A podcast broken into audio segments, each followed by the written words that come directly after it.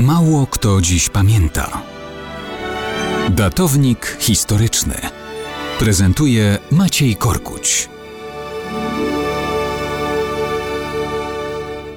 Mało kto dziś pamięta, że 26 kwietnia 1794 roku zaczęła ukazywać się Gazeta Wolna Warszawska, oficjalny organ władz powstania kościuszkowskiego. Pojawiała się dwa razy w tygodniu. Podkreślenie w tytule, że jest wolna, nie brało się z powietrza.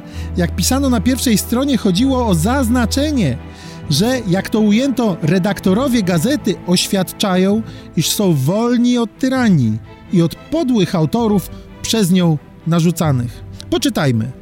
Po wstydnym obcego jarzma znoszeniu odważyli się na koniec uciśnieni srodze Polacy wspomnieć sobie, że wolność jest dobrem najdroższym, i na to hasło kruszą niewolnicze kajdany wtłoczone na nich przez przemoc obcą i własnych rodaków zdradę. Podnosi to duszę wolnego Polaka, zagrzewa serce jego do czynów patriotycznych, gdy sławne bohatyrskie dzieła przodków swoich czyta w swoich dziejach. I dalej. Czyż już zupełnie tak jesteśmy słabi, abyśmy ich nie zdołali naśladować? Pytano. I udzielano od razu odpowiedzi. Nie, narodzie, poznaj się na twych siłach. Rzuć się do oręża, idź w ślady bitnych twych przodków.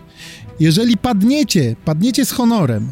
Mogiły, które wasze zwłoki pokrywać będą, nieraz łzy poczciwego przechodnia skropią.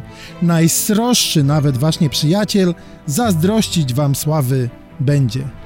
Czasy były ciężkie, powstanie upadło pod ciosami zaborców, ale następne pokolenia wyrastały pamiętając, co znaczy dusza wolnego Polaka. I warto również w XXI wieku mieć to na uwadze.